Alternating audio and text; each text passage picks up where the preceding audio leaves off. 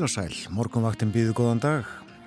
Það er miðugudagur, 7. september, klukkuna vanda nýjum mínutur í sjö. Um sjónamenn morgunvaktarinnar í dag, Þórun Elisabeth Bóadóttir og Björn Þór Sigbjörnsson. Við fylgjum ykkur til nýju í dag. Og það er enn ljómandi veður á landinu, kannski ekki alveg heitt núna klukkan 6 og var í gerðmorgun, en hægur vindur allstaðar, sjöstega hitti til að mynda í Reykjavík, heiðskýrt, logn, þrjár gráður á kvanneri, þrýr metrar á sekundu þar, 60 á stikisólmi, skýja þar, nýju gráður bæði á Patrísfyrði og í Bólungavík og vindræðin maldist 1 metri á sekundu á báðum stöðum, 5 stiga hitti á Holmavík, 7 gráður á Blönduósi, 5 stig á Söðunisvita, 6 á Akureyri, fjóra gráður á Húsavík, lokn þar, 6 stig á Rauvarhöfn, 8 gráður á Skeltingstöðum, 1 stig siti á Grímstöðum, 5 gráður á Eilstöðum og Þoka þar klukkan 6, 9 stig á Höfni Hortnafyrði, 8 á Kvískerjum og 7 á Kirkjubæðaklaustri og hlýjast á Stórhauða í Vestmannegjum, 10 stig að hiti þar klukkan 6 og 6 metrar á sekundu blés af norðan. Fjóra gráður í Árnesi og Logg og að Hálendinu þrjár og fjóra gráður, eitthvað svo leiðis. Og í dag hægur breytilega átt og víða bjartviðri en sömstaðar þókubakkar við sjávarsíðuna. Skíjað og lítilsáttar væta sunnan og austanlands síðdegis. Og morgun þá nálgast lægð með úrkomisvæði af Grænlandshafi þá fer að regna við vesturströndina, verður dálítil regning vestast á morgun en svo einnig sunnan til um kvöldið, annarkvöld, annars bjart með köplum og þurft að kalla. Hiti 10 til 20 stegi við daginn í dag og á morgun.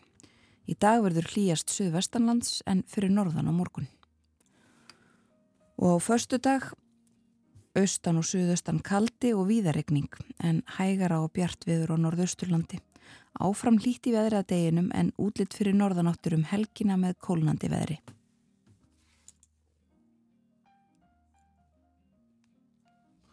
Það var okk. Veltum veðrinu betur fyrir okkur setna í dag. En uh, sólina koma upp og uh, mun skína á okkur sömstaðar á landinu í dag allavega. Það er ímislegt á Dasgrá morgumvaktarinnar. Uh, Borgþór Argrímsson verður með okkur segir okkur frá því sem er efstabau í Danmörku þessa dagana. Við viljum líka tala um samkeppni og hvernig hún getur gagnast með ýmsum hætti öðrum en þeim sem kannski blasir við. Og uh, svo ætlum við að fjalla um nýjútkána bók. Kemur út á tveimu tungumálum. Tilöfni af stór afmæli höfundar. Meira en það og eftir fyrir mítalegar í þetta. Í eh, kynningu strax eftir fréttinnar klukkan 7 en uh, hlustum á fyrsta lag þáttarins uh, það eru 65 ár síðan þetta var sungið inn á blötu Darling you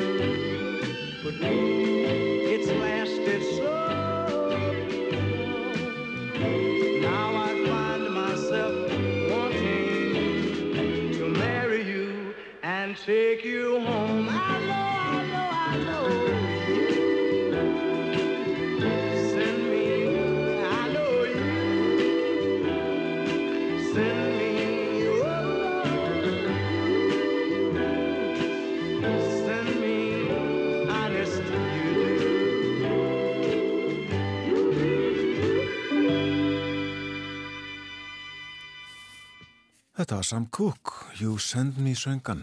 Og eins og ég gatum áðurum við settum lagið að stað þá eru 65 ár síðan þetta lag kom út 65 ár síðan að Sam söngatinn og hljómblötu 1957 Það stýttist í fréttinnar hjá okkur þar koma á slæginu sjö. Allt með hefðbundum hætti á morgunvaktinni þennan morgunin fyrst fáu auðlýsingar Og að þessu loknu þá tökum við flugið, förum yfir dagskrá þáttarins lítum í blöðin og ímislegt fleira.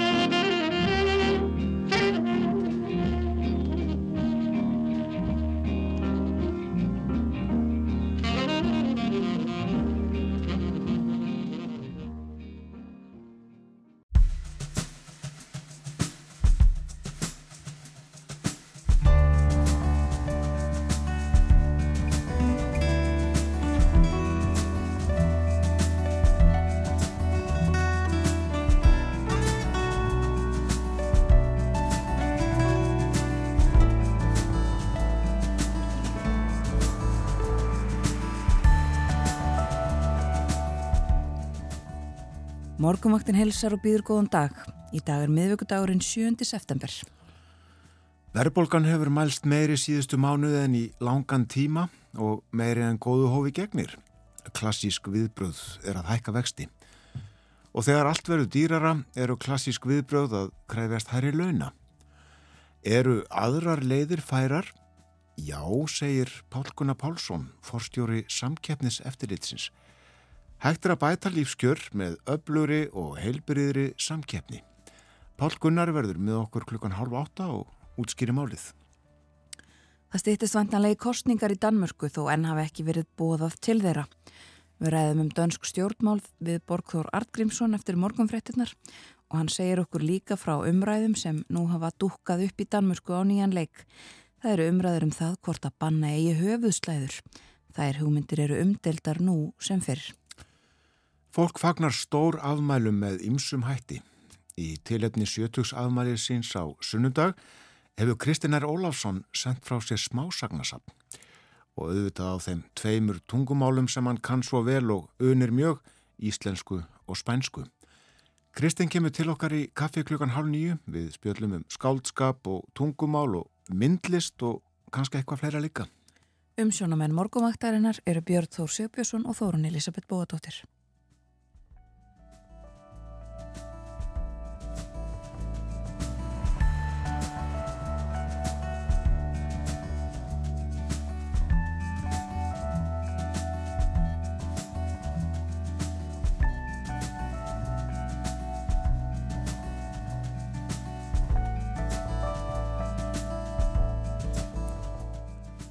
Enn eitt fallegi dagurinn runinu upp.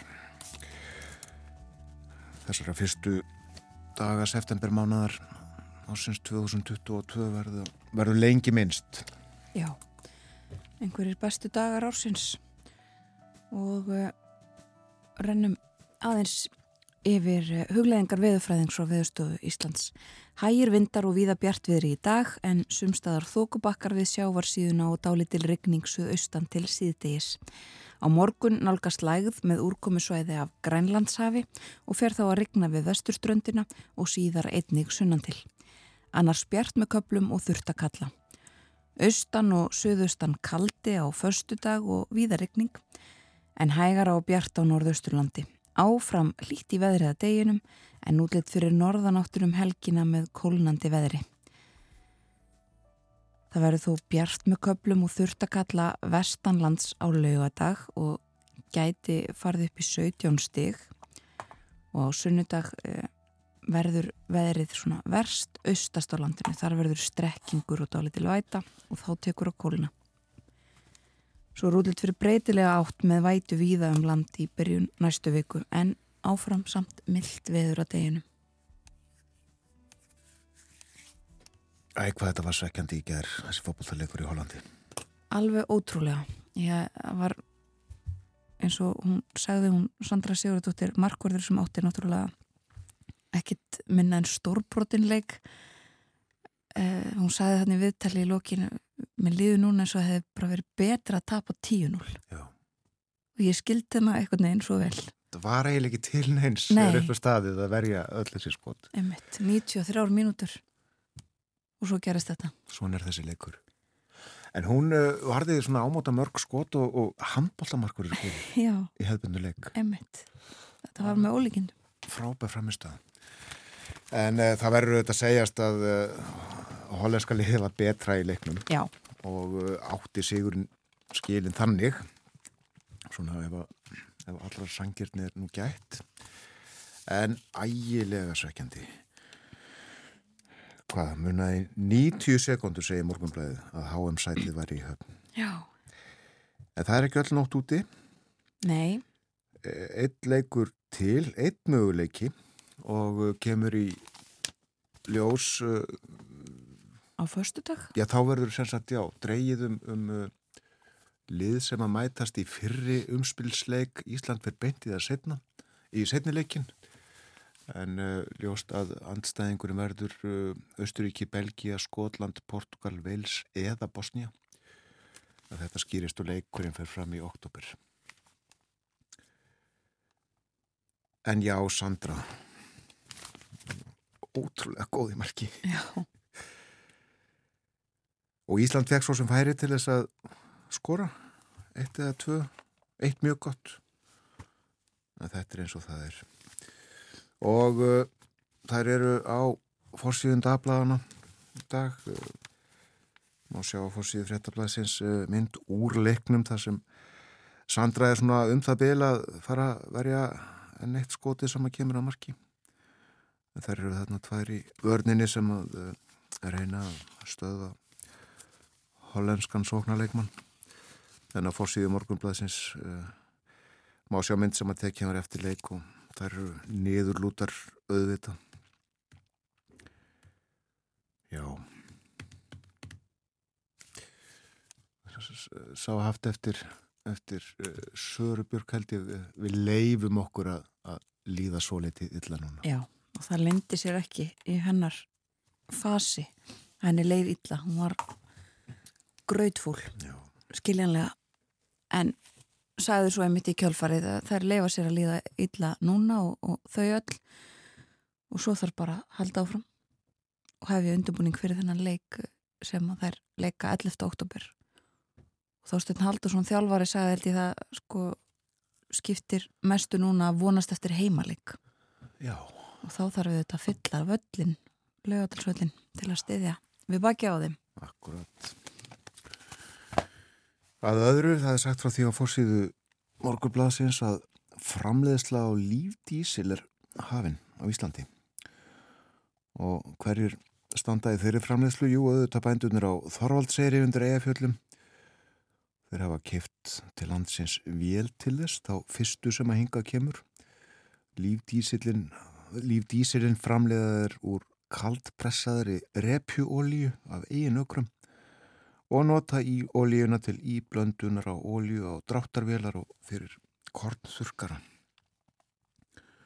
Og með þessu þá mingaðir kólefnisfótspor búrækstusins og auka sjálfbærni búsins. Þeir framleiða nú lífdísilin úr repjuolíu frá síðasta ári en eiga vona á nýri uppskeru í lokmánaðar og uh, falli mynd af uh, kornakrinum á Þorvaldseyri á fórsíðunni sem Ólafur Ekkertsson búndi tók sjálfur. Og fréttablaðið segir frá bygglistum eftir aðgerðum hjá landsbítalunum. en bygglistar þar uh, þeir lengdust mjög í COVID og það gengur hægt að vinda ofan eða. Svo er hér sögð saga Ragnars Hilmarssonar grunnskólakennara sem að uh, hefur lengi beðið eftir uh, líðskiptum á nýje og beðin bara lengist og lengist.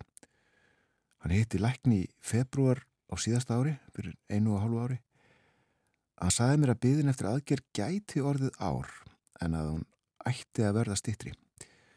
Og eftir ár hafi verið sagt að aðgerðið gæti fyrst orðið í sumar eða höst. Nú var sagt að þetta erði ekki fyrir einhver tíman á næsta ári. Og skýringarnar skortur á starfsfólki á landsbytalan. Og það er eftir við Andra Ólafsson sem er upplýsingafulltrú á landsbytalan að hans sög lengdust bygglistar í nánast öllum aðgerðarflokkum gríðarlega í COVID og ekki hefur tekist að stýta þá þegar verður að vinna bygglistarna niðurræður bráðleiki, bráðleiki fyrr þá hefur lífsóknandi ástand meiri forgang en annað. Svo rættir við lektor í lauruglufræði sem segir áhyggju efni að sjá skilabóð frá nýnasistum í auknum mæli hér á landi. En samkvæmt heimildum frettablasins hafa límiðar byrst í Þingæðasveit og Húsavík en Pálei Borgþórsdóttir lauruglustjóri á Norrlandi eistra kannast ekki við skilabóðin. Á einum af límiðunum er vísað í heimasíðu Norrænu mótstöðurhefingarinnar sem á upprunaði Svíþjóð en hefur dreift úr sér á Norrlöndum. Þetta eru nýnastyrstar, það er engin spurning, þannig fjalla fræðin um þetta, þetta segir Eirún Eithórsdóttir sem er sannsagt lektorinn í lauruglifræði sem að rættir við hérna. Þetta voru fórsýður íslensku bladarna, morgunbladsins og fjöndabladsins. Já, og uh, þá skulum við fara aðeins út í heim. Og uh, eins og við nefndum á þann þá er útlitt fyrir að það verði kosið í Danmörku innan tíðar, það verður þó, eh, hefur ekki verið búið til kostninga, það er yfirlega gert með skamum fyrirvara þar. Og umfyllunarefni framann á politíkan í Danmörku er uh, kunnulegt frá löndunum í kringum okkur. Verð á rafmagni og gasi verður svo hátt í vötur að uh, margir uh, eru bara reynlega í hættu eða þess að það er orðað þannig uh, hættu því að margir þurfu bara farað heimann get ekki kynnt og viðhaldið hýpilum sínum.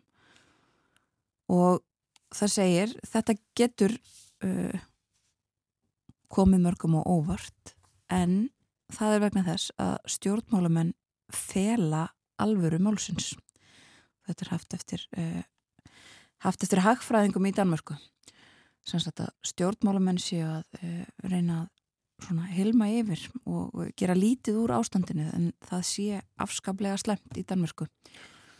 Fara þetta kostningar í hönd? Já, einmitt og uh, þetta geti verið eitt af kostningamálunum. Þetta eru þetta um, mikið til umræðu í öðrum löndum hækkandi orkuverð og, og hækkandi annar kostnaður hjá fólki um, ekki síst er þetta auðvitað til umröðu í Svíþjóð þar sem líka er verið að fara að kjósa kjósi þar á sunnudag og uh, þetta er náttúrulega stóra stóra málið í Breitlandi þar sem að var að koma nýr fórsetisráð þeirra en uh, informásjón í Damörku er hens vegar með hugan við kostningar á Ítalíu sem að líka eru framöndan og uh, talaðum loftslagsmálinn þar þurkar og ímislegt sláandi mynd þannig að stóri brú yfir á sem að er ekki neitt neitt. Og sagt að umhverfsmálinn séu samt ekki neitt á dagskráni uh, í kostningabarátunni á Ítalju og það er líka með hugan þar. Og uh, norðmenn með uh, fórsíðu fórsíðu fyrirsögn á aftenposten um stöðumála í Úkrænu Úkræna ræðist á rússa á meðan að Pútín uh, leitar í örvæntingu að fleiri hörmunum, segir hér og uh, hátt settir um, hátt settir innan hersins segja ástandið uh, skelvilegt. Nú og já, kostningar í Svíþjóð framundan og uh, þær eru á sunnudag. Fórsíðun á dagans nýheter er uh, mynd af Magdalena Andersson, fórsættis á þeirra í, á kostningafundi, kostningahátegisverði í gær og sagt í fyrirsögn og frétt svona undirbúa jafnaðamenn og miðflokkurinn sig undir uh, ríkistjórnarsamstarf. Það sé sér að verða að vinna því nú þegar innan flokkana hvernig hægt sé að uh, já, komast að neðustöðu um ríkistjórnarsamstarf. Og það hefur held ég svona í einhverjum konunum uh, örlítið svona dreigið, eða svona örlítið svona um, stækkað forskotið hjá vinstri blokkinni, rauðu blokkinni. En þetta er afskaplega tæft enga síður og, og mjótt á munum. Og að lokum aðeins uh, frá Breitlandi uh, þar auðvitað tók við nýr fórsættis á þrei gær liströss og eins og við rettum í gær í þættinum þá uh, þurfti hún að koma strax, já, eins og sagt er sinnum á ennsku að hún þurft að lenda hlaupandi. Hún uh, fara strax á stað, hún gerði það. Hún held uh, ræðu þar sem hún lofaði því að breska þjóðin geti komist í gegnum þetta ástand þennan storm sem að gengi yfir. Hún ætlar að uh, frista orkureikningana. Hún ætlar að læka skatta, segir hún það er forgangsmál og uh, hún ætlar að laga helbriðiskerfið það er bara ekki verið að ráðast á garðin þar sem hann er legstur Nei. hún hagkerfið, eh, orkumálin og helbriðiskerfið eru forgangsmálin.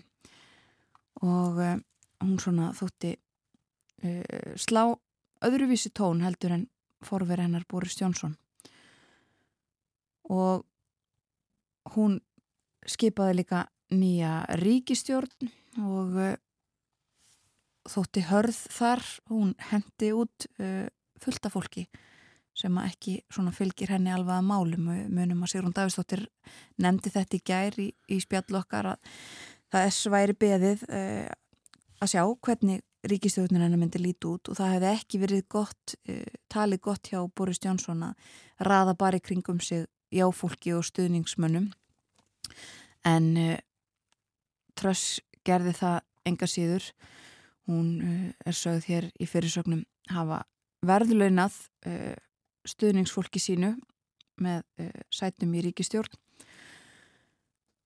og þetta sé svona hópur fólks sem hefur fyllt henni að málum og það þykir ekki endilega bóða gott en það á allt saman eftir að koma í ljós.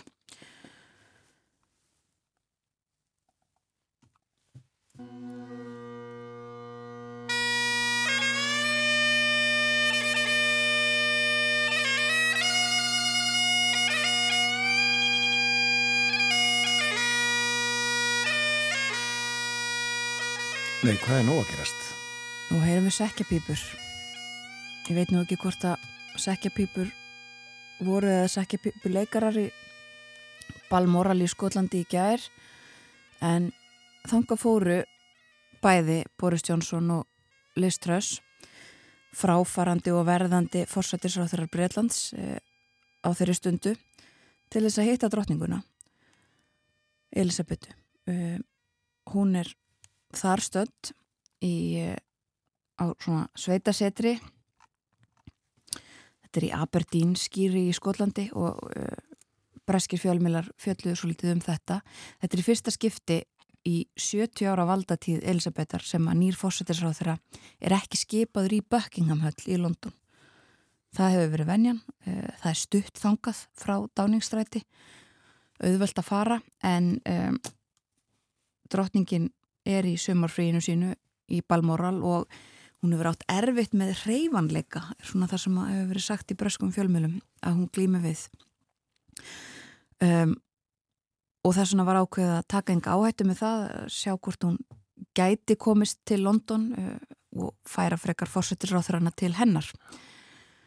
Og uh, Balmoral er svona uh, töluvert stór landaregn þarna í skosku hálendunum sem að drottningin á sjálf, þetta til er þess að ekki búi krúnunar bresku, heldur uh, á hún þetta prívat og persónlega í rauninni. Og þetta er kastali, balmoral kastali, þó að þetta sé í rauninni ekki formlega kastali, af því að þetta er ekki svona varnar mannverki, en er svona byggt í þeim stíl. Og uh, þetta hefur verið eitt af hýpilum bresku konusjálfskyldurinnar frá árunni 1852. Þá uh, keifti Albert Prins sem var eiginmaður Viktoríu drotningar þessa landaregn og uh, húsið sem að þá var fyrir uh, þótti fljóðlega of lítið og það var hafið standa við að byggja þennan nýja kastala sem að var tekinni gagni nokkrum árum setna og svo hefur landaregnin verið stækkuð með tímanum meðlemið konungsjölskyldunar sem hafa átt þetta hafa keift stærri og stærri hluta og þetta eru ykkur 20.000 hektarar núna. Þannig eru 150 hús með kastalanum og uh, þar er, uh, eru önnur svona sveitasetur uh, Karl Ríkisarfi á þarna hús sem hann dvelur í líka og svo eru þarna sex sumarhús eða nokkur sumarhús sem er hægt að taka á leigu. Við getum svo sett farið og, og leikt þetta en ekki þegar að drottningin er á staðnum hins vegar. Og það er eitthvað á bylinu 100 til 150 mann sem að vinna þarna við að viðhalda þessu öllu saman. Og það er hægt að fara þarna og skoða gardana við Kastalan þeir eru yfirleitt opnir þanga til að drotningin mætur á svæðið. Og það gerur hún eitt um miðjan júli eða í lók júli yfirleitt. Og eh, er þarna fram í óttobir þetta var alltaf þannig að drotningin var með svona ákveðin eh, rithma í þessu, hún fór hún dvaldi á hverjum stað í hverju af þessum fjórum svona ofinbyrju húsum sínum eh, í einhver tíma á hverju ári. Nú er hún farin að vera mest vist í Windsor kastala en hún fer hann þá í Balmoral að því að þetta er vist uppáhaldsstaðurinn hennar, uppáhaldshýpilinnar. Uppáhaldskastalinnar. Uppáhaldskastalinnar. Hún á ansi marga eða breska krúnan en það eru uh, margir sem hún fer aldrei í og, og dvelur aldrei í. En þarna líður henni vist best að sögn ákomendennar Og það er einmitt þetta, þetta er enga heimili og landaregnun er mjög stór og það er mikið dýralíf, hægt að fara út að ganga með hundana sem hún elskar, eh, fara á hestbak og veiða alls konar og þetta er allt eitthvað sem hún er mjög hrifin af og eh, Balmoral hefur verið í uppáhaldi hjá henni frá því hún var barn.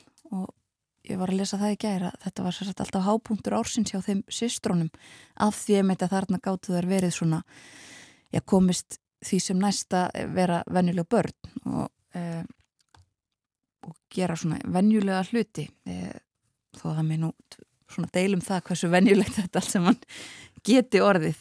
En það er sagt að Balmoral sé líka í uppáhaldi hjá mörgum öðrum meðlumum konusjölskyldunar einmitt vegna þess að þarna sé hægt bara slaka á. Og Georg V saðist aldrei hafmyggjusamari en þegar hann veitti í vötnum þannig í kring og Viktoria Drottning kallaði þennan stað paradísina sína í hálendunum. Og uh, það var samt ein manneskja sem þóldi þetta vist ekki og það var Díana prinsessa.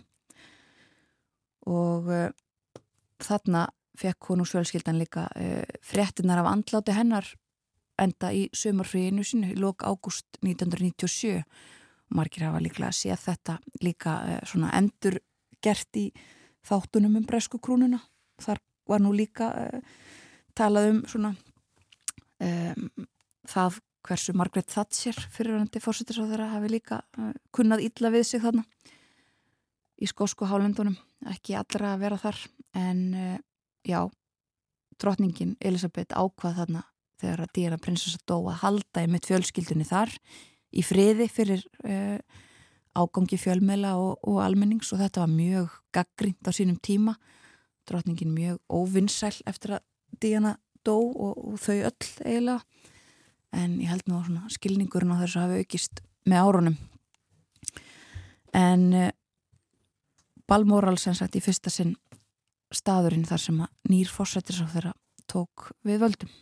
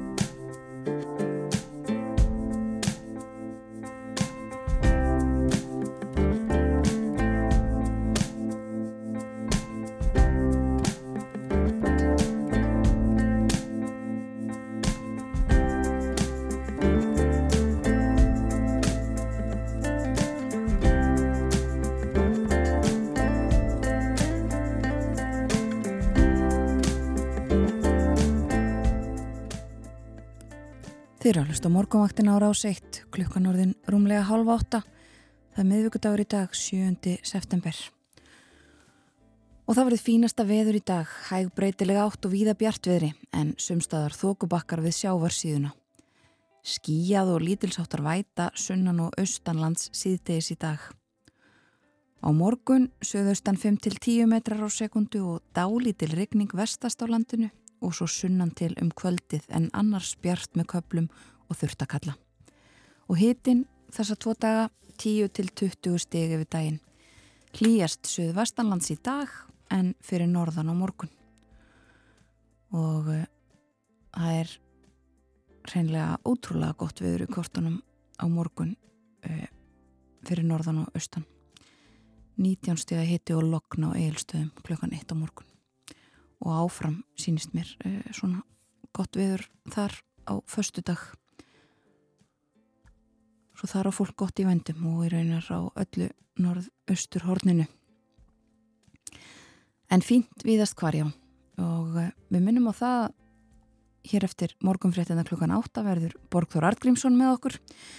Til að ræða um dönsk málefni eins og við gerum yðurlega þar ber hæst uh, stjórnmálin þau eru mikið til umræðu en það uh, tali víst að það veri búið til kostninga innan skams svo er það slæðumál sem að voru mikið í umföllun uh, fjölmiðla og umræðunni fyrir svona fimm árum síðan og hafa nú dúkað upp aftur. Umdilt mál mjög. Og upp á klukkan halv nýju kemur til okkar Kristinn R. Ólafsson. Hann hefur sendt frá sér smásagnasapn á íslensku og spænsku og tilöfnið er sjötugsammalans um komandi helgi. En nú öðru, um allan heim glíma ráðamenn við verðbólguna sem rýður húsum, vextir hafa víðast hvar verið hækkaðir, sumstaðir eru skattabreitingabóðar, námskuldir hafa verið felda niður, sérstakir framfærslu styrkir veittir og ímislegt fleira hefur verið gert. Og hér á Íslandi fara kjara viðraður í hönd og ljóstur að launafólk allar ekki að taka á sig byrðarnar útgjaldar löst fyrir atvinnureikendur. Og eitt af því sem að getur ráðið bug á verbolgu og bætt hægifóls er samkeppni, öflug og heilbriði samkeppni. Í tvígang hefur samkeppniseftirlitið em til funda um þau mál. Annars vega var spurt hvernig samkeppni getur nýst í baráttunni gegn verbolgunni og fyrir auknum kaupmætti og hins vegar var fjallaðum áhrif samkeppni á hagvöxt, hagvöxt og launakjör. Og hér hjá okkur er Pál Gunnar Pálsson, forstjóri samkeppnis eftirlitsins. Velkomin til okkar. Takk. Má líta á samkeppni sem hagstjórnatæki? Nei, það er nú almennt ekki gert sko einfallega vegna þess að, að þeirra samkynnsetild er að rannsaka mál að þá þá tekur það eðlimálsi samkvæmt sinn tíma, þetta er flókin mál, hérna, flókin stjórnsýslu ferli, sönnunabyrði sem kvílir á sanginsetti litinu og síðan það ofta láta reyna á þetta fyrir áfyrirnumdu dómstólum. Þannig að samkefnis yfirvöld í heiminum er ekki að vinna í, í sama tímarúmi eins og efnaðastjórnvöld. Hitt er svo annar mála að samkefni hefur mikla þýðingu fyrir raustleika markaða og hraustir markaðir hafa áhrif á það hvernig efnahagslíf þróast. Já, og farðu betur yfir það Pál, hvernig samkeppni getur nýst í barátunni gegn verðbólku? Já, það er þetta þannig að, að ef að um, samkeppni er almennt virka mörgum í efnahagskerfum þá eins og ég sagði, þá eru, þá eru þá eru markaðinni raustari e, e, e, verð og þjónust að ræðst þá af e, bestu mögulegum aðstæðum e, og, og, og stjórnendu fyrirtæki og fyrirtæki e, e, reyna bæði að, koma með nýjungar hérna, eins gott verð eins og mögulegt er eins góð þjónust eins og mögulegt er og þetta er auðvitað gott fyrir efnaðskerfi að búa við það.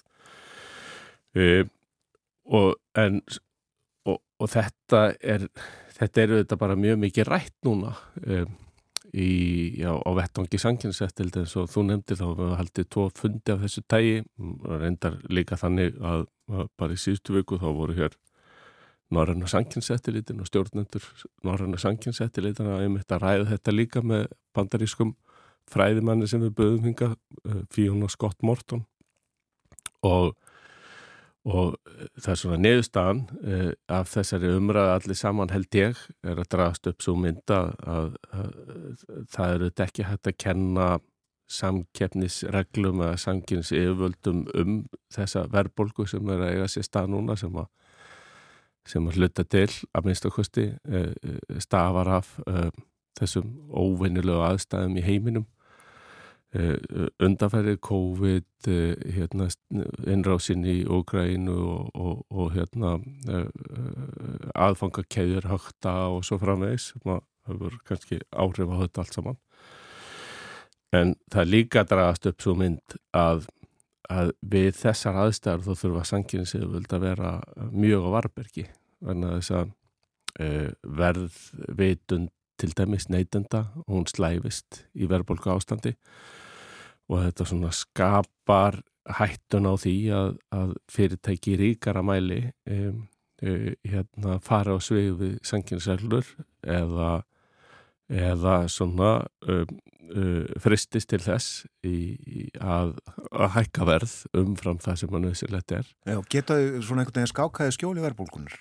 Já, það er hættan og, og um, skákaði skjóli ytri aðstæna og í fyrra haust þá höfum við hérna, þá stegum við fram og svona aðvörðum uh, fossasmenn fyrirtækja og samtök fyrirtækja uh, vegna þess að okkur fannst einmitt vera hætta að skapast á þessu.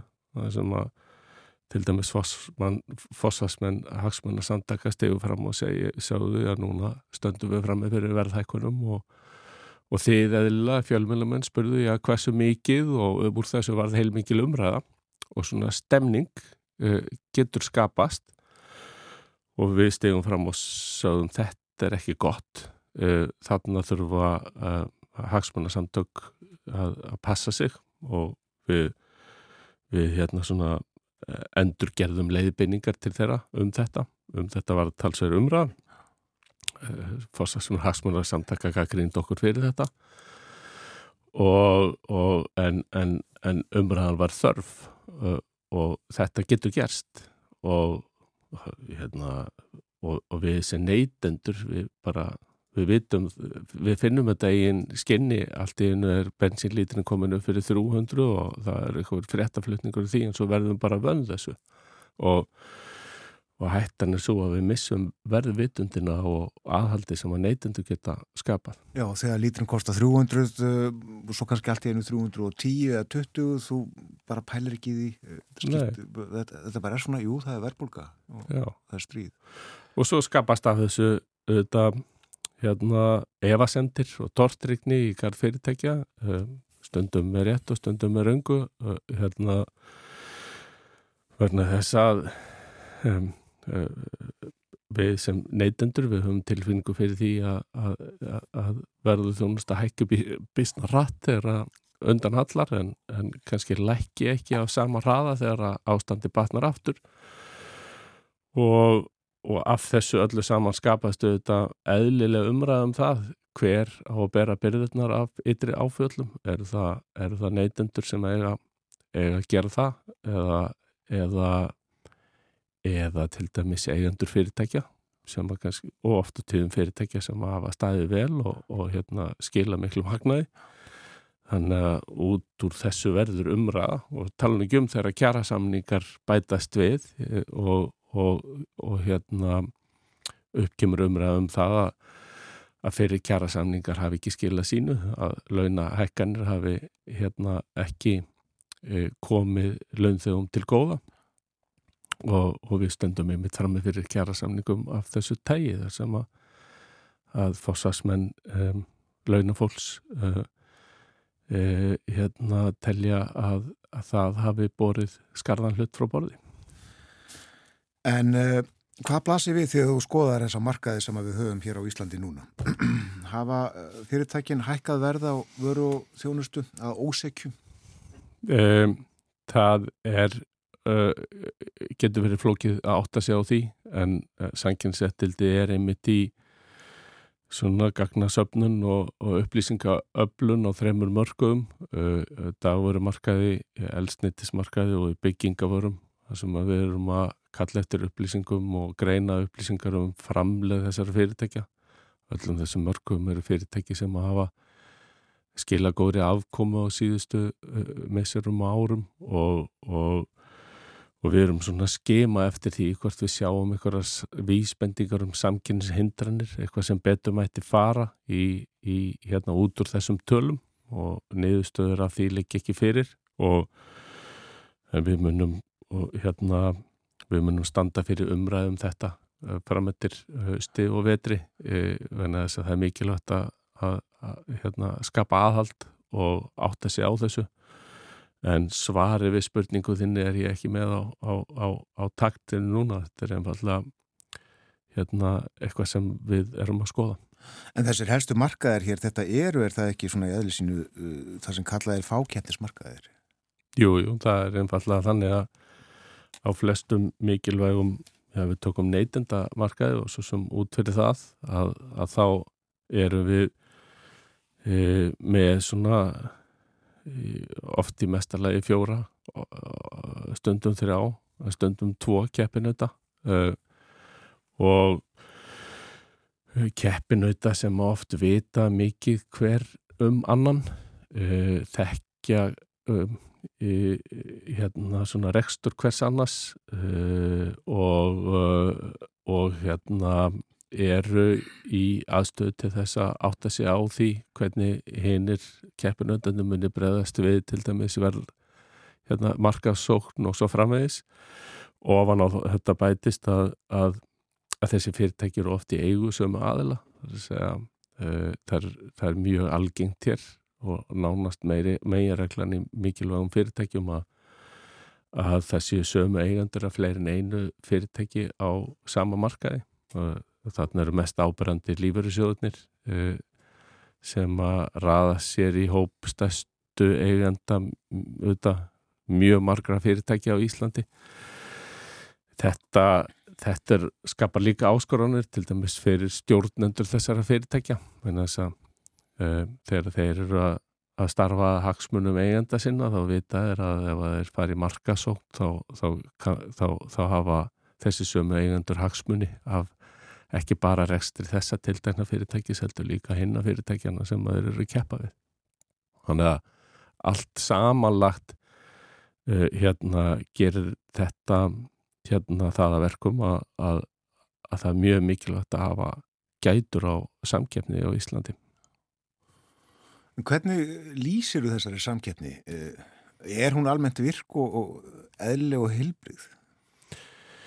Já, það er það er þetta bara mismunandi eh, það, það er mörg dæmi um það að, að, að, að íslenski marka er að við brotist úr einhvers konar einókun og yfir í það að vera hérna allavega með samkeppni sem að hefur skilað eh, neytendum einhverjum, við getum tekið hérna til dæmis fjarskiptamarka sem að við vorum með eitt fyrirtæki hér í mjög langan tíma og það er ekkert voðalega langt síðan að samkeppni bröst þar inn á, inn á sviðið og hefur skilað eh, neytendum miklum hagspótum uh, og, og, og hérna um, uh, eins, og, eins og við þekkjum uh, samkeppni skilar ekki bara lagra verði heldur betri þjónustu og líka meiri nýjungum þannig að, að hérna það eru er dæmum svona markaði svo er aðri markaði sem að þróast hægar eins og raforkumarkaðar og fleiri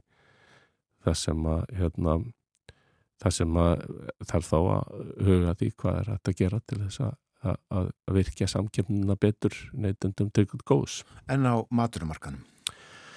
Það er alltaf stöðut viðfáðsefni uh, maturumarkaður, fjármálamarkaður og fleiri markaður, vátringamarkaður þetta eru markaður sem að hérna, skipta mjög miklu máli fyrir neytendur. Og þar hefur samkeppni sannarlega skipt máli en það er, það er, það er þessi svona fákeppni og ímsir hérna, við erum með hátt maturverð á Íslandi. Við þurfum að gæta mjög vel að því að neytendur fái góðan díl e, á, á þessum mörgum sem skipta svo miklu máli vegna þess að að, að hérna að uh, samkefna þessum markuðum getur ráðið ráðið í hvar fólk vil lifa og búa sko til framtíðar. Já, Já uh, samkefni uh, sko það er mikið það er mikið svona stemning meðal stjórnenda og eigenda fyrirtækja á Íslandi að, að saminast, mikið um samruna og mm -hmm. því þau verður svona stilt upp fyrir okkur að, að Það sé gott að uh, það séu hér stór og stöndu fyrirtæki í marskonar þjónustu, mikið talað um starðarhaugkvæmni. Skilar hún sér til fólks? Það er bara hefur stóra viðfónsefni sanginni sem valda átt að segja á þessu. Uh, samruna eftir lit uh, snýraður um þræði að þessu. Það, er, það er þannig að sanginsettilitun er tilkynnt samkvæmt laga skildu um samruna yfir tilteknum veltumörkum, tilteknum stærðarmörkum og, og, og þá er eftirlitið að meta hver er breytingin sem er að verða uh, úr uh, ástandinu sem er í dag og, og því sem mann sjá fyrir sér eftir samrunan og uh, þarna í þessu er oft verið að að færa það fram fyrir sankinsjöföldum að, að þessi samrunni sé nöðsilegur einmitt til þess að ná fram meiri stærðarhagkvæmni skapa hagurægir ekstra og svo framvegis. Og, og þá skiptir mála átt að sé á því er líklegt að, að hérna, þær hagspætur ábatin af stærðarhagkvæmni skilir sér til neytenda eða ekki. Mm.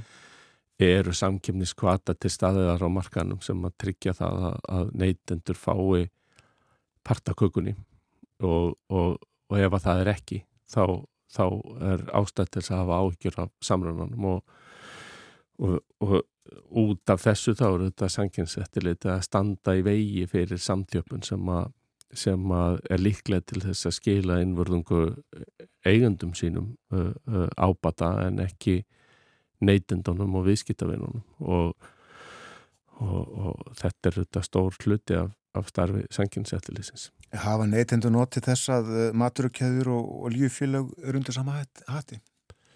E, það, það, það eru þetta orði samtjöpun og ymsum mörgum en, en, en og, og stundum þá, þá hafa neytendur notið Eh, einhverju marki samþjöppunar en, en, en, en eh, það er ástætt til að vera á Varbergi eins og við nefndum á hann þetta eru fáir keppinöldar eh, það eru fákeppnis aðstæður hérna við megum ekki við því að ofta tíðum að missa keppinöld út af markanu en þess að það slæfir þá samkeppnina og, og hættan verður þessi að, að fyrirtækin um, vinni einverðungu í þá eigenda sinna en ekki eh, viðskiptafinnina og, og neytendana og, og þetta þetta leiði þá hugan að öðru sem er, sem er jöfnudur eða ójöfnudur sko. Og verðan þess að samkeppni gríðalega mikilvægt tæki til þess að til þess að tryggja hérna, viðandi jöfnud um þetta er heilmikil umræði í bandaríkjónum um, þar sem að í, í talsett mörg ár hefur sangins reglum ekki verið beitt kannski af, af, af ja, mikillir festu eins og tilstóði í upphafi og, og, og svona pólitískum ástæðum og, og það segir sér svolítið sjálft. Ef að fyrirtæki fá að renna saman uh, um, uh, í meira mæli ef að fyrirtæki fá að starfa saman eða, eða stærri fyrirtæki að, að, að, að beita afli sínu að þá er það til þess fallið að sapna auð að, að í, á hendur eigenda fyrirtækjana uh, uh, á kostnað neytenda og, og, og þetta getur verið drifkraftur uh, þróanir átt til uh, aukins ójöfnuður þannig að, að, þetta er ágættis uh, punktur að hafa í huga þegar, þegar, þegar fólk er að velta fyrir sér tengslum samgetni og, og, og við hagsmunni launafólks til dæmis. Man finnst eiginlega allt vera á forsendum eigendana, allt sem gert. Já, það er mikilvægt að, að hérna í svona bara fyrirtækja menningu á Íslandi eins og annar staðar þá, þá gleymi fólk ekki að, að fyrirtæki eru svolítið hú, hú, hérna hvað var að segja verkfæri eh, fólksins eh, en fólki er ekki verkfæri fyrirtækjana um, við verðum að hafa fórgansröðin alveg á reynu þarna. Mm. fyrirtækin eiga að vinna fyrir samfélagið en ekki öfugt sko rétt aðeins það þessum kjærasamningum sem eru framöndana því að við höfum uh, nefnt þess að, að við erum að fara, fara af stað uh, sko, væri gagna sér einhvern möguleik á því að hafa einhver svona, hvað ég var að segja samkeppnis ákvæði eða yfirlýsingar varðandi það í, í hérna, gerð nýra samninga? Já, það er alveg klárlega ástæð til þess að að hálfu held ég þeirra sem að tala fyrir hönd launafólks að að, að að því að oft er eru í svona kjara samningum stjórnvöld krafinum einhverjar liðar aðgerðir e, búin til einhver pakki sem að þarf að laga í, í íslenskri lögjöf og svo framvegis. Og að, að, þá, þá likur alveg augum uppi í mínum huga að af hálfu launafólks e, þá ætti krafan að vera svo að, að hér sé eins öflugt sankins eftirlitar eins og nokkur kostur er með með bestu tækjum sem að þekkjast uh, til þess að verja hagsmunni neyndenda og, og tryggja það að að hérna að, að neytendur fái eins góðan díl eins og nokkur kostur er og, og vinna þá gegn því að, að það er launahækkanir sem að sameðurum uh, uh, hverfi tilbaka og, og og það má alls ekki gerast á hinvegin sem að stundum uh, eru teiknum að að, að, að, að um, það hegi svona kannski frekar að að setja á samkynns eftirlit og samkynns lögum sko um, uh, í þá þá hagsmuna fyrirtækja. Að, að þá skapast hættan að því að launahækkanna sem um var samið uh, skilir sér ekki endarlega í, í, í þá launþegana eh, heldur, heldur komið tilbaka til fyrirtækjana í, í hérna annari mynd. Og samkeppni skiptir heilmiklu máli fyrir eh, launþega. Við, við vorum að ræða hérna um samrannamála áðan. Það er eitt af því sem að sankinsettilit hafa í huga í ýmsum málum hver eru áhrif samrannans á á starfsfólk í viðkomandi grein og svo framvegið sko og, og eins og í bandaríkjónum er, þá er talsir umræðum það að, að þar, þar hefur uh, verið gengið bísna langt í að hefta til dæmis uh, hérna svona flæði launafólks á milli fyrirtækja uh, með samkefnisbönnum og samningum milli fyrirtækja eða, eða kvöðum á starfsmenn alls konar svona hlutir sem maður þarf að hafa í huga líka. Já, komist ekki lengra þakka að kellaði fyrir að koma til okkar hinga á morgunvaktina og ræða um uh, samkettnina, mikilvægi hennar og faraðins yfir stöðunni sem blasi við þér, uh, Pál Gunnar Pálsson, njóttu dagsins. Sumleðis.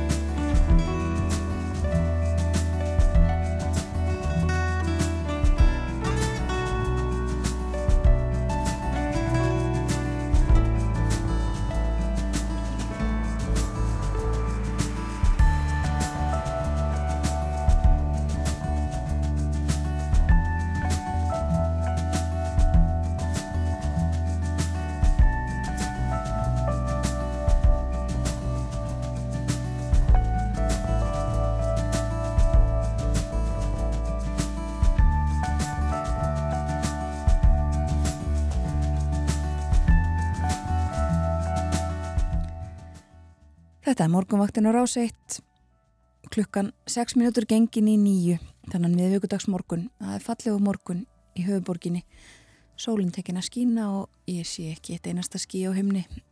Þaðan sem að ég sitt og við hér í hljóðstofu 6 í efstaleiti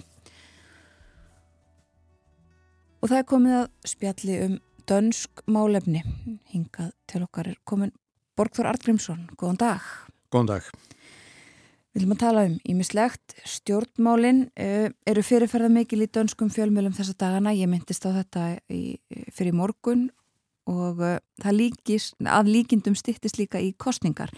En það er ekki enn búið að tilkynna hvernig það er fara fram. Nei, það er rétt.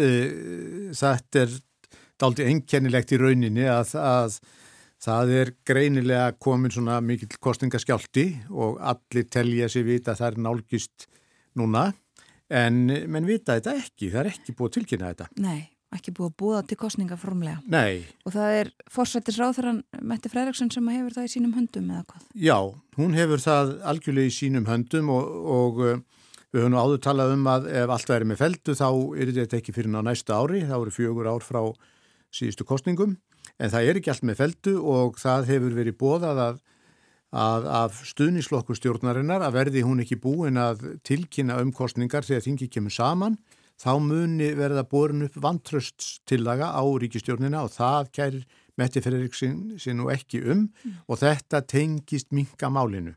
Það er engin spurning. Akkurat. Það er sérstætt farið að hitna í kostningakólunum. Já. Það voru sjónvaskappræður síðastlinn sunnudag á milli Metti Fredriksson, fórsettisáþara og tveggja leiðtóa stjórnarandstöðunar var hart ekki stá og kannski förum líka yfir það hver eru mikilvægastu málinn. Þetta var nú svona freka kurtislegt uh, og kannski ekki við, við öðra búast en það sem að uh, vakti nú mikla aðtigli og svona spurningar hjá stjórnmála skýrendum var að Jakob Ellemann Jensen uh, leiðtói venstri, hann var eiginlega eins og holgerur auka hlutur þarna í þessum umræðum. Það var Sören Pape Pólsen sem að eh, svona tóst á við Metti Freyrisin ef að svo má segja. Já. Þetta helgast nú kannski af því að fylgi íhaldsflokksins undir fórustu Sören Pape Pólsen það hefur aukist mjög, ekki síst eftir að hann lísti yfir að hann vildi verða fósættisáþura ef bláa blokkin, hægri flokkarnir svo kalluðu, næðu meiri hluta. Já. En yfirleitt hefur nú verið einhvert samkómulega um að stærsti flokkurinn sem að núna lengi hefur verið sko, venstreð þann myndi verða það væri fórsættis á þeirra efnið en núna eru sem sagt tveir boltar á lofti í þessu og, og það verður að segjast að, að þessa dagana er bolti Sören Pappi Pólsen miklu, miklu stærri. Metti Freyrsson læði áherslu á að með hana við stýri þá væri nú þjóðarskútan á réttum kurs og myndi nú ekki stranda á neinu skeri. Hún læði nefnilega miklu áherslu á það að þeir sem að stýði í bláu blokkinu þeir viti ekkit hvernig fái sem fórsættis á þeirra því að þeir hafa eins og ég sagði sko þeir hafa líst í báður yfir að þeir vilji endilega fá að vera við stýrið. Já, Já það eru svona sviftingar í dönskun stjórnmálum og þetta, við höfum talað um nýja flokka og, og alls konar. Hvað segja skoðanakannanirnar núna um fylgið og hvernig þetta lítur allt saman út? Það er segja að það verði mjög miklar breytingar. Íhaldsflokkurinn undir fórustu Sören Pappi, hann fengi 31 þingmann, hefur núna 12. Já. Myndi bæta við þessi 19 þingmannum, það er, það er geysi mikið. Venstre, hins vegar, myndi tapa 23 þingmannum. Þeir hafa núna 43 og myndi tapa næstum helmingi fylgisins. Og Danmarksdemokratinni, það er nýji flokkur Inger Stauberg, hann fengi 21 þingmann Sósialdemokraterni, þeir myndu uh, fá 43, tapa 5. Mm. Svo er danski þjóðaflokkurinn, hann fengi einugis fjóra þingmenn, myndi missa 12 Já. og í kostningunum 2015, þegar hann reys nú hvað hæst, þá fekk hann 37 þingmenn, þannig að þetta er algjört hrun hjá, hjá danska þjóðaflokknum. Já. Uh, þetta er nú svona það helsta og það er líka aðtíklusvert finnst mér að í könnun, alveg nýri könnun, þar sem að uh, spurt var um brínustu verkefnin framundan, þá nefndu lang flestir hilbriðismálinn. Þetta kom mörgum á óvart og, uh, og það hefur talsvöldur fjallað um þetta og um, þetta var lang, lang efst. Á eftir þessu komu svo efnahags- og umhverfismál og þá voru helmingi færi sem nefndu þau en helbriðismálinn og ójöfnudur og, og málefni innflytjanda komu svo þar á eftir. Já. Já, við myndist nú að það er í morgun uh, efnahagsmálinn og orkumálinn, þau eru nú kannski líklega til þess að skora herra núna. Já, það, það getur auðvitað verið og, og, og núna þegar kostningarna nálgast, Já. það getur það auðvitað verið en, en þetta sem það eru heilbríðismáli, þau brenna mjög á, á dönum greinlega. Já, já, En það eldast eins og margar aðra þjóðir. Akkurat og við þekkjum nú vel. og einmitt, og við hefum líka talað um þetta hér á morguvaktinni þegar við erum að fara yfir dönsku blöðin á mótnana að þetta er mikið í umræðinni þar heilbreyðismálin og Já, já, svona svipaði mitt eins og segir og, og hér á Íslandi. En, já, já. en við fylgjumstu þetta áfram með þessu og, og, og, og látum vita þegar að loksins verður búða til kostninga en nógum pólitíkina í byli Síðast þegar þú varst með okkur þá stóð fyrir dyrum kostning íbúa Kristjaníu varandi tilbúð ríkisins um uh, breytingar á fríríkinu eins og Kristjaníu hefur oft verið kölluð. Og uh, Kristjanittarnir urðu að svara í loka ágúst, það er að 29. ágúst, Já, já eða nei og þeir sögðu já.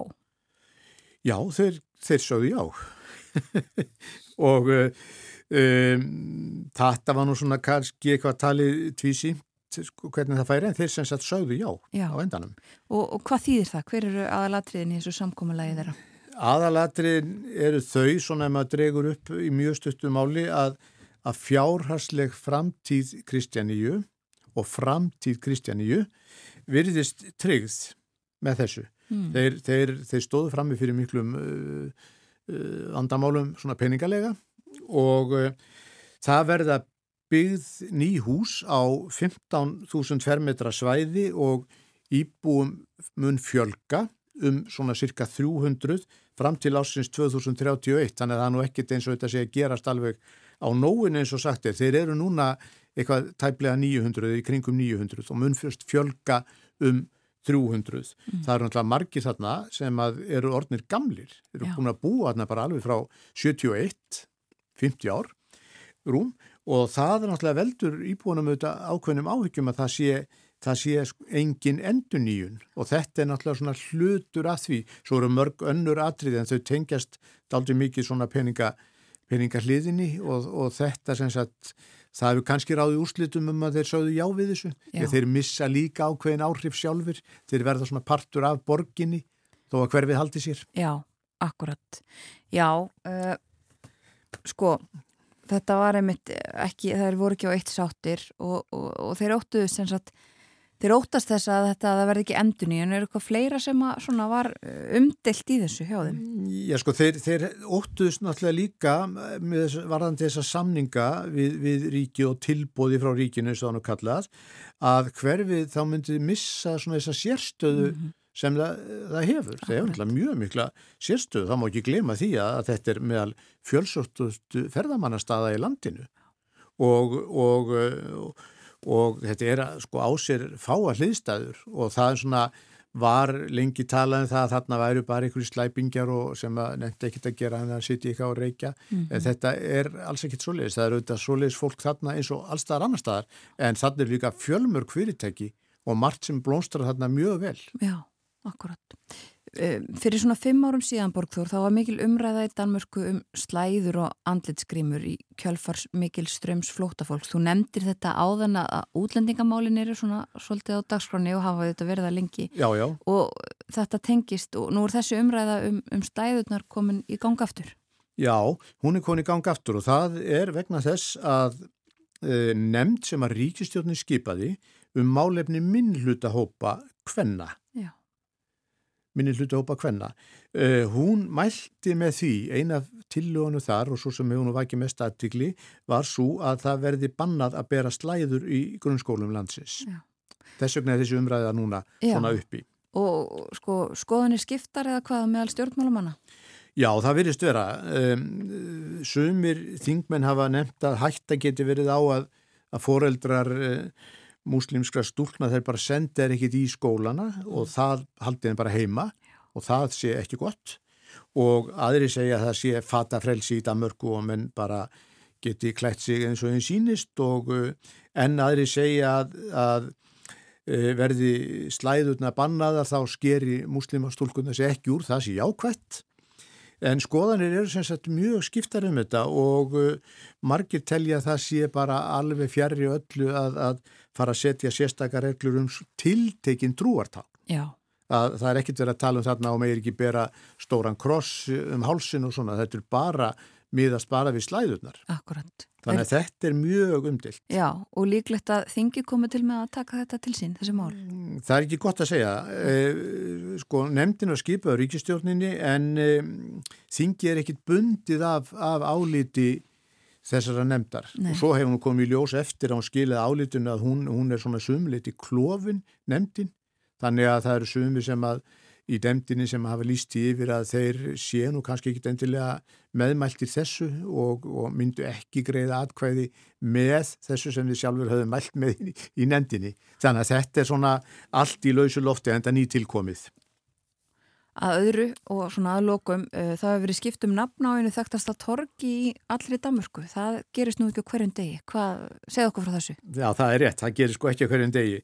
En síðastliðin 50 dag þá hósti Kaupmannahöfn háttíð sem heitir Golden Days. Og hluti þessar háttíðar er síning sem heitir 50 drottningar.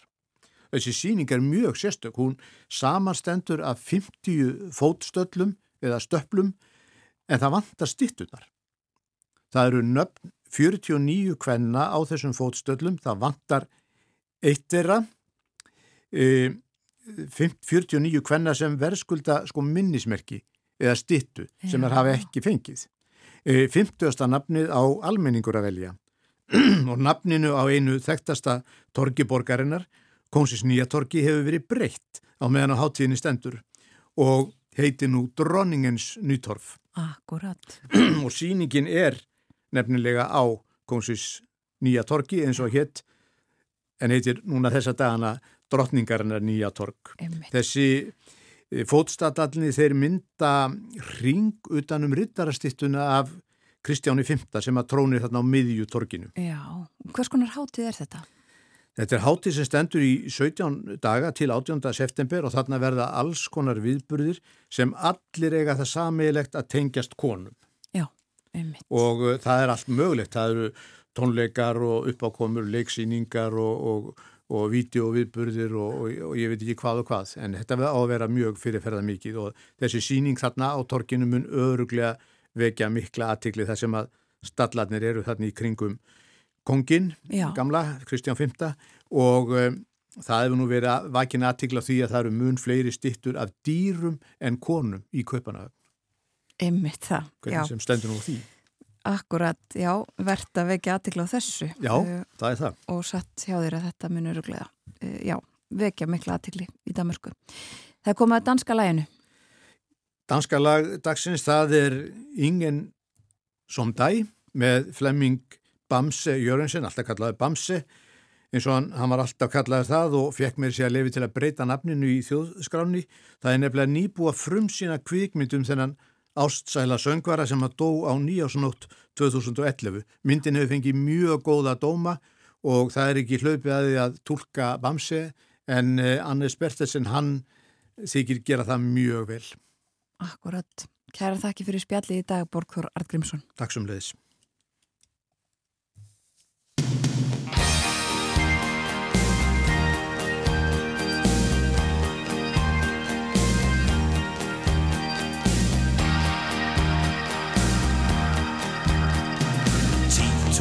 Tak for i nat, lille skat. Jeg er fuldstændig færdig og udkørt og mat. Du tapper mig nådesløst for energi. Ikke ti vilde heste kunne trække dig fri. Hvor får du de kræfter og den fantasi, der har gjort mig afhængig? Det er næsten magi. Hvad er det, du gør, så jeg aldrig får nok? Bare en nat uden dig, og jeg går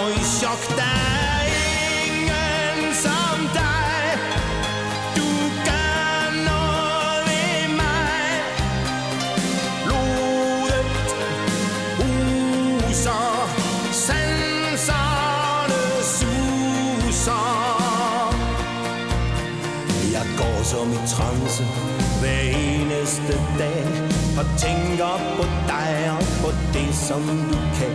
Mit hjerte det hamrer, der brænder en ild. Mit sind er i oprør, jeg er panisk og vild. Jeg prøver at sove, slå tiden ihjel Til jeg ser dig igen, men helt uden held Du er i systemet, min sjæl er besat Under badet i sved, hvornår bliver det nat Der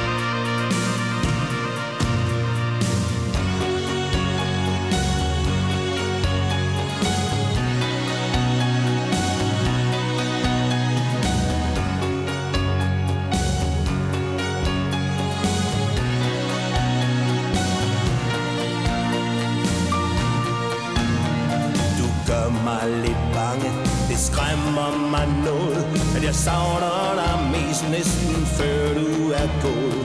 Jeg dør lidt hver gang Du berører min krop. Bliver afsindelig Og alligevel kan jeg aldrig få nok. Jeg håber og beder til Du kommer i nat. At du gør mig helt færdig Og udkører dig mod At du tapper mig nådesløst for energi. At du lover, du aldrig vil slippe mig fri. Der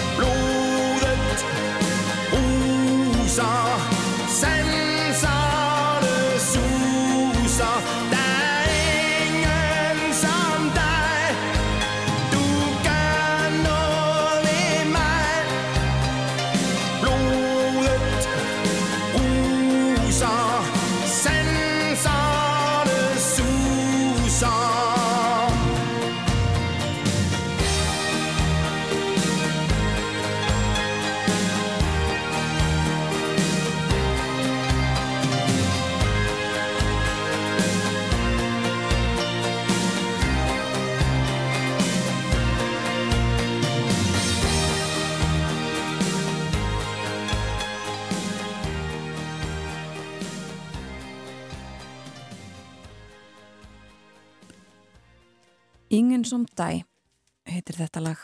Við leikum það í lok spjalls okkar við Borgþór Argrímsson þetta er Bamses venner nýbúið að frum sína myndum Bamse í Danmörku eins og hann sað okkur frá. Að Borgþór.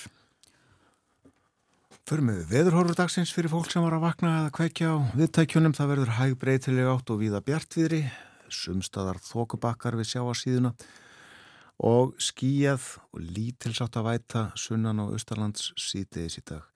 Og hiti að 20 stigum. Það verður hlýjast suðvestalands en uh, hlýjast fyrir norðan á morgun. Já. Og þú talaði fyrir morgunum, já, alveg reynd frábært veður uh, norðausturhorninu á morgun og föstudag. Já, ég held að sé ekki að orða það öruvísi. Eh, 16 stiga hiti á hátegi á Akureyra morgun, 14 stiga á Húsavík, 18 stiga á Egilstöðum og svo línar ennþá meira þegar að líður á daginn fer eh, nokkrum gráðum herra og svo áfram mjög gott viður á föstudag.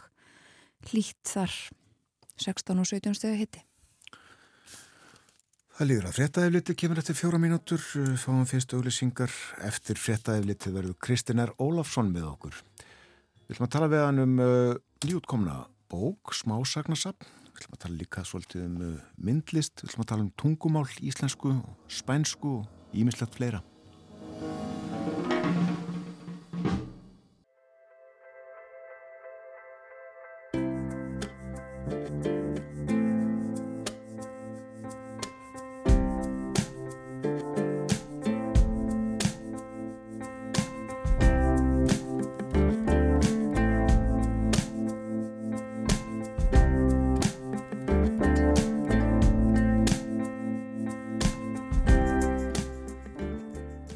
Aftur þýrða að hlusta á morgumvaktina á rás 1. Það er miðugudagur í dag og klukkan núna réttliðlega hálf nýju. Framundan síðasti hluti þáttarins þennan morgunin. Á sunnudaginn, þann 11. september, verður Kristiner Ólafsson sjöttur og af því góða tilefni þá ákvaðan að skrifa og gefa út nokkrar smásugur og auðvitað er þar bæði á íslensku og spænsku. Það er líta aldrei undan og heitir íslenska útgáfan en svo spænska Nunca Apartan La Mirada. Var þetta ekki nokknaði rétt framborðið hjá mér? Kristinn? Þetta var fínt, það var alveg 9,5. og báðar eru útgáfunar í einni og sömu bókinni. Eh, gæti því hendað ágætlega til spænsku náms, já eða íslensku náms fyrir spænsku mælandi. Velkomin til okkar Kristinn. Já, takk fyrir það og góðan dag. Buenos días, svo ég sé tvítundur hérna. Um hvað fjalla sögurnar? Eh, um hvað fjalla sögur yfir leitt er það ekki ást og hatur, líf og dauði og annað slíkt ef ég dreif þetta saman. Annars er þetta sögur sem hafa svona sapnast upp hjá mér í árana rás.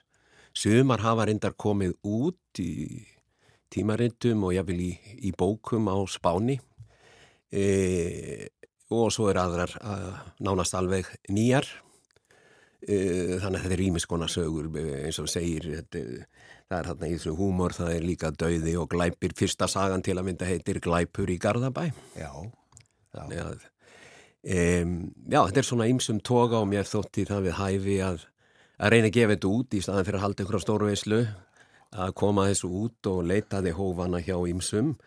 Og uh, þar á meðal hjá Bjarnar Harðarsinni bókakaffinu og sæmundi á Selfossi og hann svona tók frekar dræmt í þetta í fyrstu, saði mér að, að það að gefa út smásagnabóka á Íslandi og e, þar að auki í þokkabót á tveimur tungumálum væri náttúrulega alveg vonlaust, vonlaust fyrirtæki.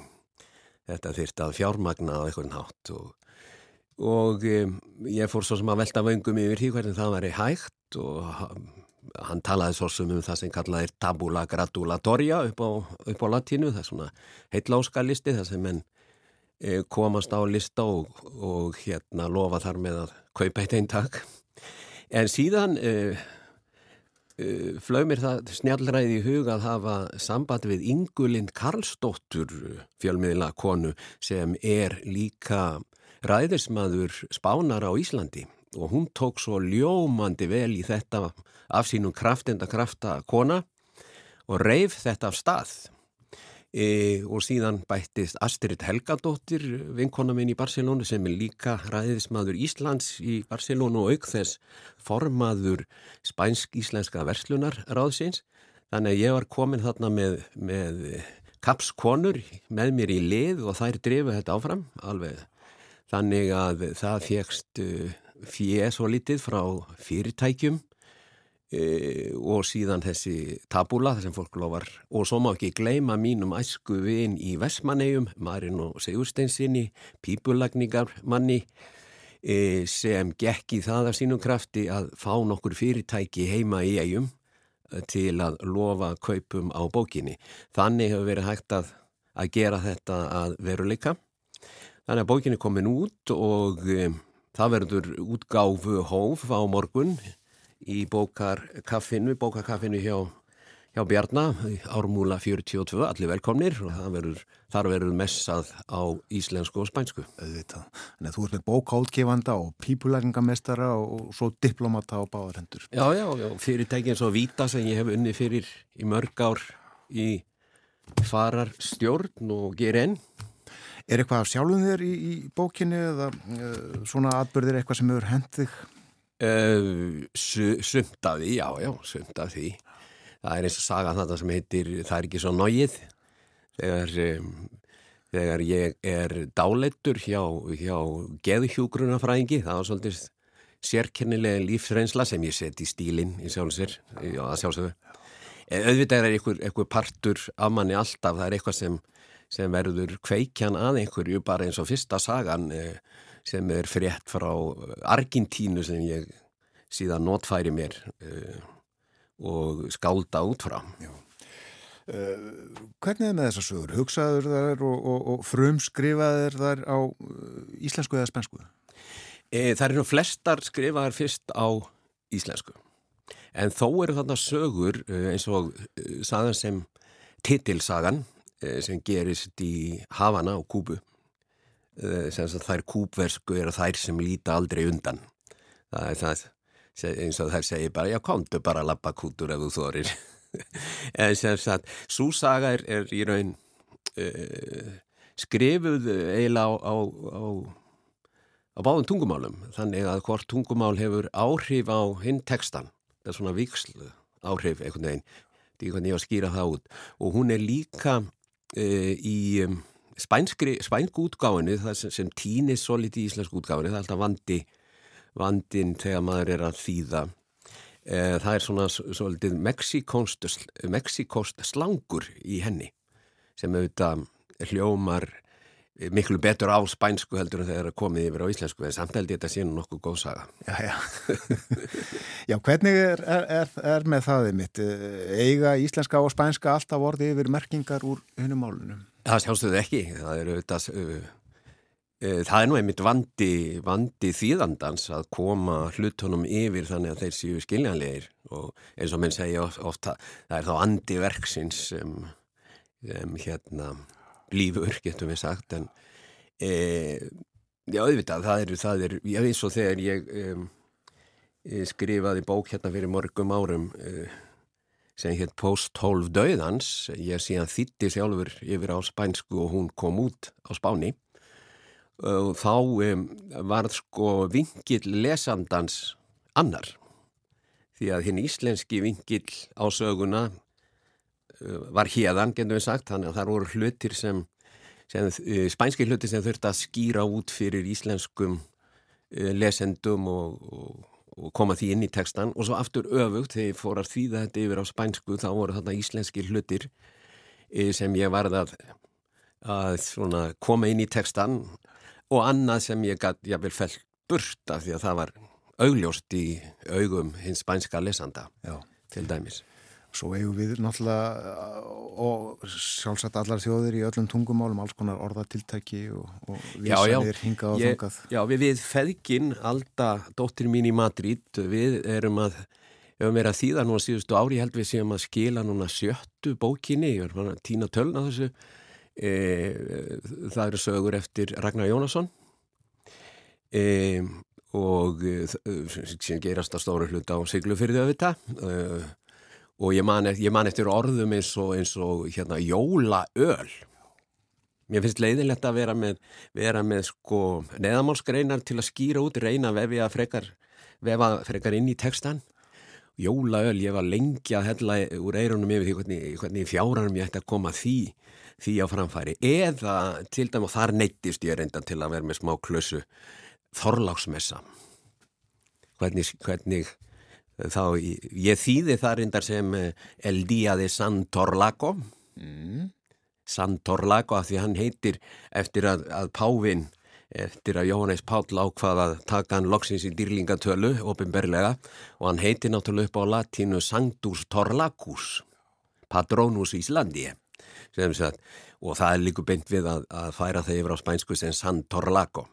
Þannig að ég varða að hafa smá málskrein um, San Torlaco og skötu átt og allt þetta sem er vafið inn í ofið inn í söguna segi. Já, einmitt uh, siglfiskur vetur með, með íslenskum hefðum uh, eldgömlum uh, þetta þykir, þykir hérna, gott og spennand og skemmtilegt á spáni. Já, einmitt og eins og í öðrum löndum eins og við vitum. En sem sagt þetta er, er svona vandi þýðandans í nótskurð. Já, já, já. Sko, þú uh, unnir íslenskunni og, og amast yfir ambugum, þykist ég vita. Uh, Fyrst ef við tala síri íslensku í dag heldur en gert var fyrir hálfri völd? Já, maður þorir nú einlega ekki að tjá sig um þetta lengur, en ég er vissulega uh, áhyggjur af því, ég veit ekki hvað verður um íslensku, ég sé það bara á uh, ungu kynnslóðinni, ég var einmitt að skrifa eins og ég var að segja ykkur hérna áður um hóum útsendingu, síðasta smásaða mín heitir einmitt, er skrifið á ennsku og mér finnst þú missa margs ef hún er ekki á ennsku, heitir So What, er svona framtíðarsaga um uh, síðustu vestfisku kellinguna talandi á íslensku, hún deyr og þar með vor tunga. Þetta er svo sem gerst út í heimi og, og, og kveikjara þessari sögu er reyndar e, indjánakonna í Síli fyrir nokkru mánuðin sem, sem dó og þar með eitt af þessum indjánamálum. Já. Það getur vel leið fyrir íslenskunni, ég veit það ekki. Nei, nei, en þú, En- en þú vil- óttast það svona... Já, já, ég veit ekki hvernig á bregðast við og, og hérna, það þýðir ekkit að tuða líklega út í hodni, sko, það gengur ekki. Það er, að, en vissulega eh, eins og, eh, eins og um, komið hefur fram hjá, hjá ymsum núna að, að íslenskan er náttúrulega orðin, segi hérna, enskan er náttúrulega orðið gífurlegt, ég hvað að segja, vinnumála á Íslandi. Uh, ég veit það sjálfur í fara eða í leiðsögninni hér að ef ég talaði ekki ensku þá gæti ég ekki tala við hótelin fyrirfram eða slíkt, það er, það er bara vonlaust. Þannig að maður verður að tala ensku og bara í gærmorgum var ég með príðilegri bílstýru ungri bílstýru á rútu að fara með þennan eh, þennan hóp sem var að, að leiði segja hér um helgina frá Kanaríum og fór með þau út í út á Keflavíkur flugvöll í gerðmorgun og hún er búin að vera hér fimm ára og við tölum saman á ennsku þannig, þannig að það, það er bara þetta er náttúrulega eitthvað sem er komið og verður. Hefur spænskan eh, ekki orðið fyrir jafnmiklum áhrifum að ennskunni eins og íslenskan? Nei, sko, við erum náttúrulega að tala hér um dvergtungu sem er okkar ágæta íslenska og við erum að tala hins vegar um heimsmál sem hvað, 6 til 700 miljónir tala í heiminum. Þannig að afstæðan er önnur, ég veit það með barnabörni mín á Spáni að þau eru að horfa á sjómarsefni og það er allt talsett. Er búið að hér er það ekki þannig að er, hér er alltaf American style skilur þannig að hérna, það, er, það, er, það er mjög og ég þekki hámentaða spánverja e, sem tala ekki orð í ensku. Dæmi um það er bara þessi sendinemnd frá Kanaríegjum sem ég var í leiðsög með þar voru, voru menn sem eru stjórnmálamenn og, og, og líka frá Veslunaráðunum og þar fram til göttunum ég var einmitt fenginn til þess að var haldið ráðstefna um, um, um íslenskan kalla, yðnað meðal annars það, það er mjög aðtýrlisvert fyrir, fyrir Kanari eiginga og eldfjalla eigum að, að skoða það allt saman. Og ég var fengið til þess að sitja við hliðina á einum framamanninu þar og hýsla í eira hans á spænsku meðan tala var á ensku. Bara sem lítið dæmi. Akkurat. en auðvitað, auðvitað eh, verður spænskan fyrir og hefur orðið fyrir áhrifum frá, frá ensku en alls ekki eins held ég eins mikið á íslenskan Nei. Hvernig leist þeim frá Kanriægjum ási í Vestmanneðum? Mjög vel, við vorum líka heppin með veður, sástir sólar og slíkt og ég nú eiga pegi svo sem á heimaslóð. E, þannig að það var mjög gaman að, að, að sína þeim eiguna og fara inn á hraunið og inn í gíin, gíin sjálfan og, og síðan fórum við í eldheima og þar var tekið á móti okkur af, af Kristínu Forstuðu konu Sapsins og síðan bæjarstjóranum Írisi og, Magnúsi, og Páli Magnúsinni formanni fórsenda bæjarstjórnar. Þannig að þau voru mjög ánað með þá ferð. Þannig að hérna og síðan er ég svona að skaldi í skörði með, við þau á leiðinni skilur þau að segja frá og, og þau voru bara ánað með það. Já, og frá mörgu að segja þetta og sjálfum uh, finnst þér alltaf ja, gott að koma til eiga? Já, mér finnst það, mér finnst það, já, já, já. Og ég náttúrulega, ég lifi á orðum eins og þau vitið, þú hef gert langan aldur nema kannski fólk á orðum en það kemur kannski að því það sé nú lítið næringagildi þeim en hérna, en hérna þannig að ég hef lifið á því að, að tala íslensku á Spáni og, ég lifi á því að tala spænsku á Íslandi. Það er bara mjög einfalt ef ég dreyði þetta saman. Já, en aftur á bókinni og, og nú að kápunni, eh, hana prýðir mynd sem að er máluða höfundi Já, já. Málarinn, það ert þú. Þú málar svolítið. Já, ég hef alltaf gert það að teikna alveg frá því ég var pegi, getum við sagt. Ég er náttúrulega, hvað það segja, eh, handlögnu fólki kominn, faði minn var, sem fættist fyrir 135 ára, skal tekið fram, eh, hérna var bátasmiður, eh, Ólafur Ástgersson, Afi minn, sem ég kynntist aldrei, Ástger Guðmundsson var bátasmiður líka, Rómaður bátasmiður, nú og síðan er langafi minn, svo ég farin út í ættfræðina, kallaður Öngla Gvendur, Guðmundur Ögmundsson, um, e, þótti smíða fisknustu Öngla í eigum, hann reyndar hljóp út í eigjar e, frá faðernis máli, hann batnaði Guðrúnu langömmu mína þá, eh, vinnukonu, tíu árum eldri en hann og hljóp frá því og svo sagir sögð að þegar hún varði léttari og færiði barnið til skýrnar og þegar presturur spurði hvað á barnið að heita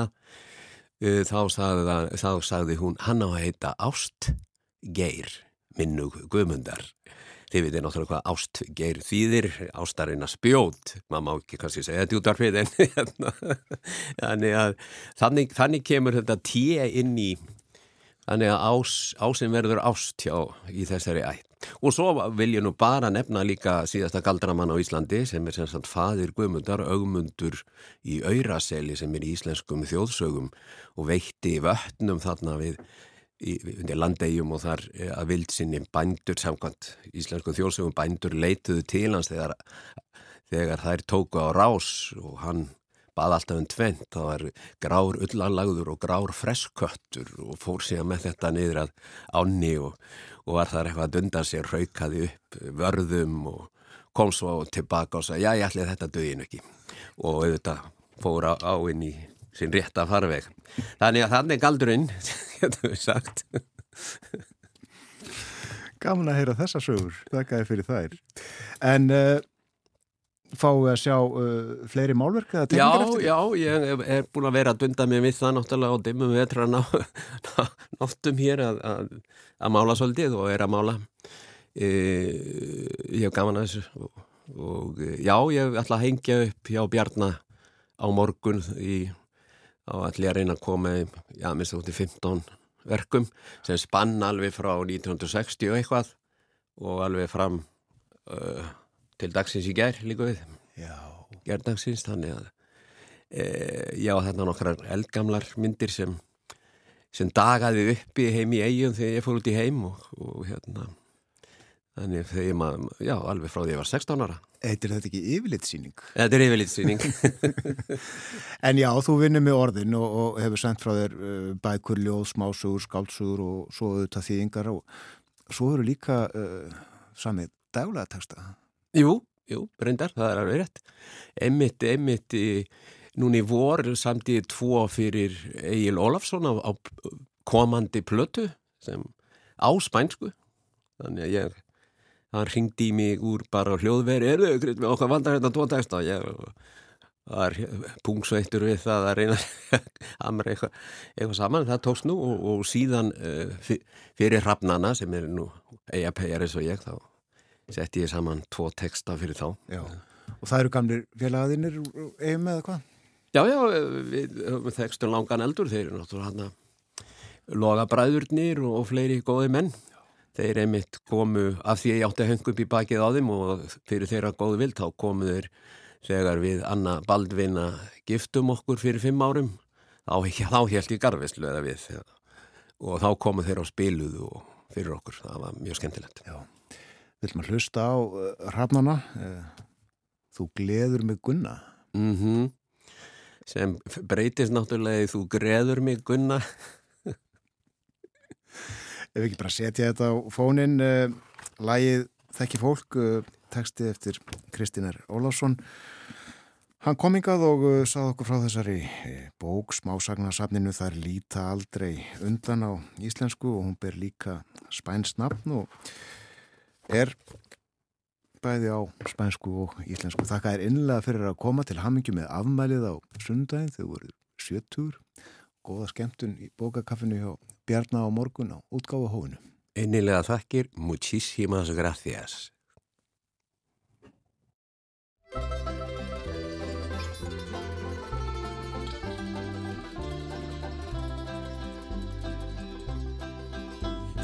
fighting sem fegrar þinn munn Mér frigðvekur daga og nætur. Mig kittlar, mig langar að kanna þann brunn Og kissa þér hrynnir í fætur. Æ, æ, æ, æ Þú gleður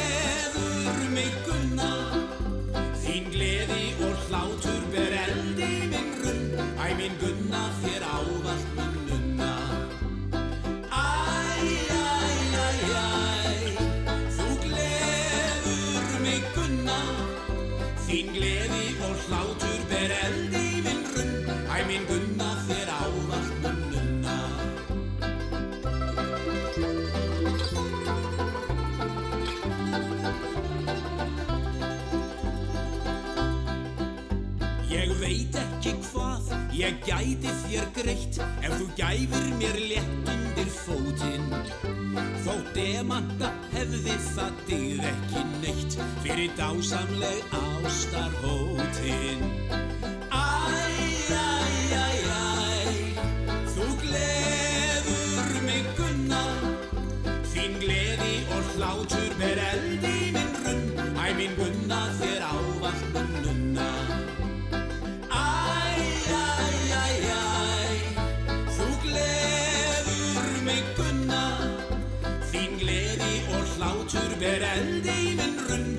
Minn gunna ávallt mun nunna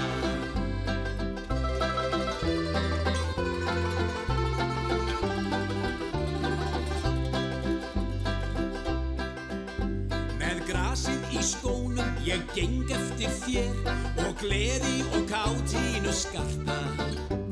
Leitandi þess að þú lítur við mér mín ljúfa og heita og bjarta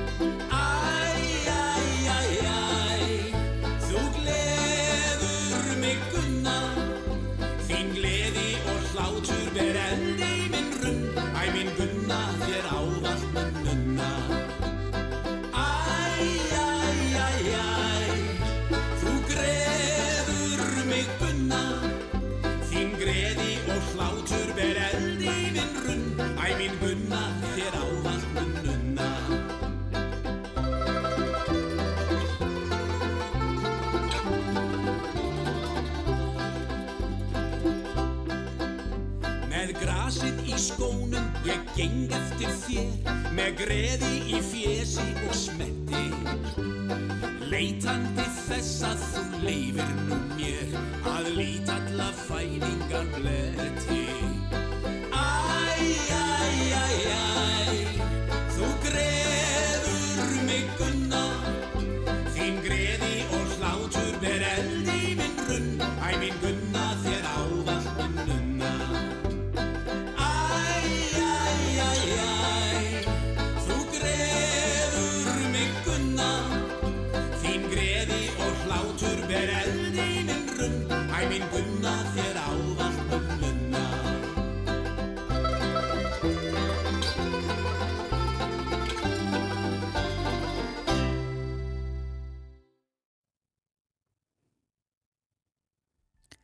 Kristinur Ólafsson var síðasti gestur morgunvaktarinnar þannan morgunin var hérna til þess að segja okkur frá meðal annars nýri bók sem að var að koma út eftir hann á íslensku og spænsku og hanna gefur hann út í tilöfni sjötugsamæli sinns sem er á sunnudaginn.